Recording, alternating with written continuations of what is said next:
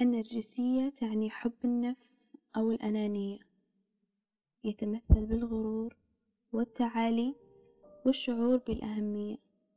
ولا بأس بالقليل منه طالما لم نؤذي الآخرين. لكن يوجد حد فاصل بين النرجسية المطلوبة والنرجسية القاتلة. مؤخرا تم تصنيف نمط شخصية جديد يسمى النرجسي المنحرف. يطلق على الشخص الفارغ من الداخل والذي يملك كل مقومات قتل الأشخاص نفسيا وإفراغهم من الداخل ليتمكن منهم والتغذي على دمارهم وإحساسهم بالألم. أيا كان هذا الشخص صديق زميل عمل زوجة وإلى آخره من العلاقات. صفاته شخص أناني خائن هدام وكاذب. لن تعرف له دين ولا ملة. قد يحلف كذبا ويفتن ويسبب لك المشاكل في سبيل إشباع ذاته القذرة من الداخل. يبدأ المنحرف النرجسي كشخص قوي وأنيق ولبق ويختار كلماته حسب ذوق ومزاج ضحيته. لأنه مثلما أخبرتكم سابقا فارغ. ولا يمتلك أسلوب خاص به ولا شخصية. يتلون حسب لون الضحية.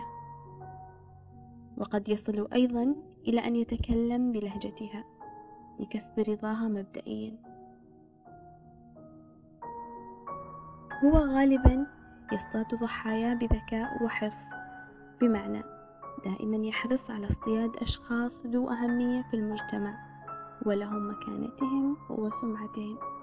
يبدأ بالتقرب بشتى الطرق الذكية والأنيقة والتي يبدأ من خلالها بالتعرف عليك وعلى نقاط قوتك وضعفك. يظهر لك الاحترام مبدئيا حتى يبدأ بالتمكن منك بالتدريج. وبعدها أنت وقعت في فخ المنحرف النرجسي. يقطع علاقاتك مع الآخرين يبتزك عاطفيا يفشلك في عملك يرسخ بداخلك عقدة الذنب حتى يتمكن منك. يكبر الذنب بداخلك ويجعلك تفكر على مدار اليوم. يمتص طاقتك ويجعلك منهك وغير قادر على التفكير. يتصل بك باستمرار لتهديدك وإشعارك بالخذلان. لو تناقشت معه في موضوع ما يترك صلب الموضوع ويناقش سفاسف الأمور ويجعلها محط الاهتمام. حتى يربكك ويجعلك تحت رغبته وتصرفه ولا يمكنك التفكير حتى. من صفاته أيضا أنه لا ينسى أي شيء وإذا رأى منك تصرف سيء سيكبره ويجعله حديث العصر ويعيده عليك يوميا حتى تشعر بأنك مذنب ولا يمكنك التوبة ولن يقبل الله توبتك. عندما يوصلك لهذه المرحلة من الشعور بالإحباط والذنب يبدأ بالضغط عليك والاستهزاء بك ويهددك بفضح أمرك وجعلك عبرة. أمام الناس لا يظهر هذه القذارة في شخصيته لأن الناس تعتبر هذه الشخصية مثالية واجتماعية وتحترم كل من حولها إلا أنت.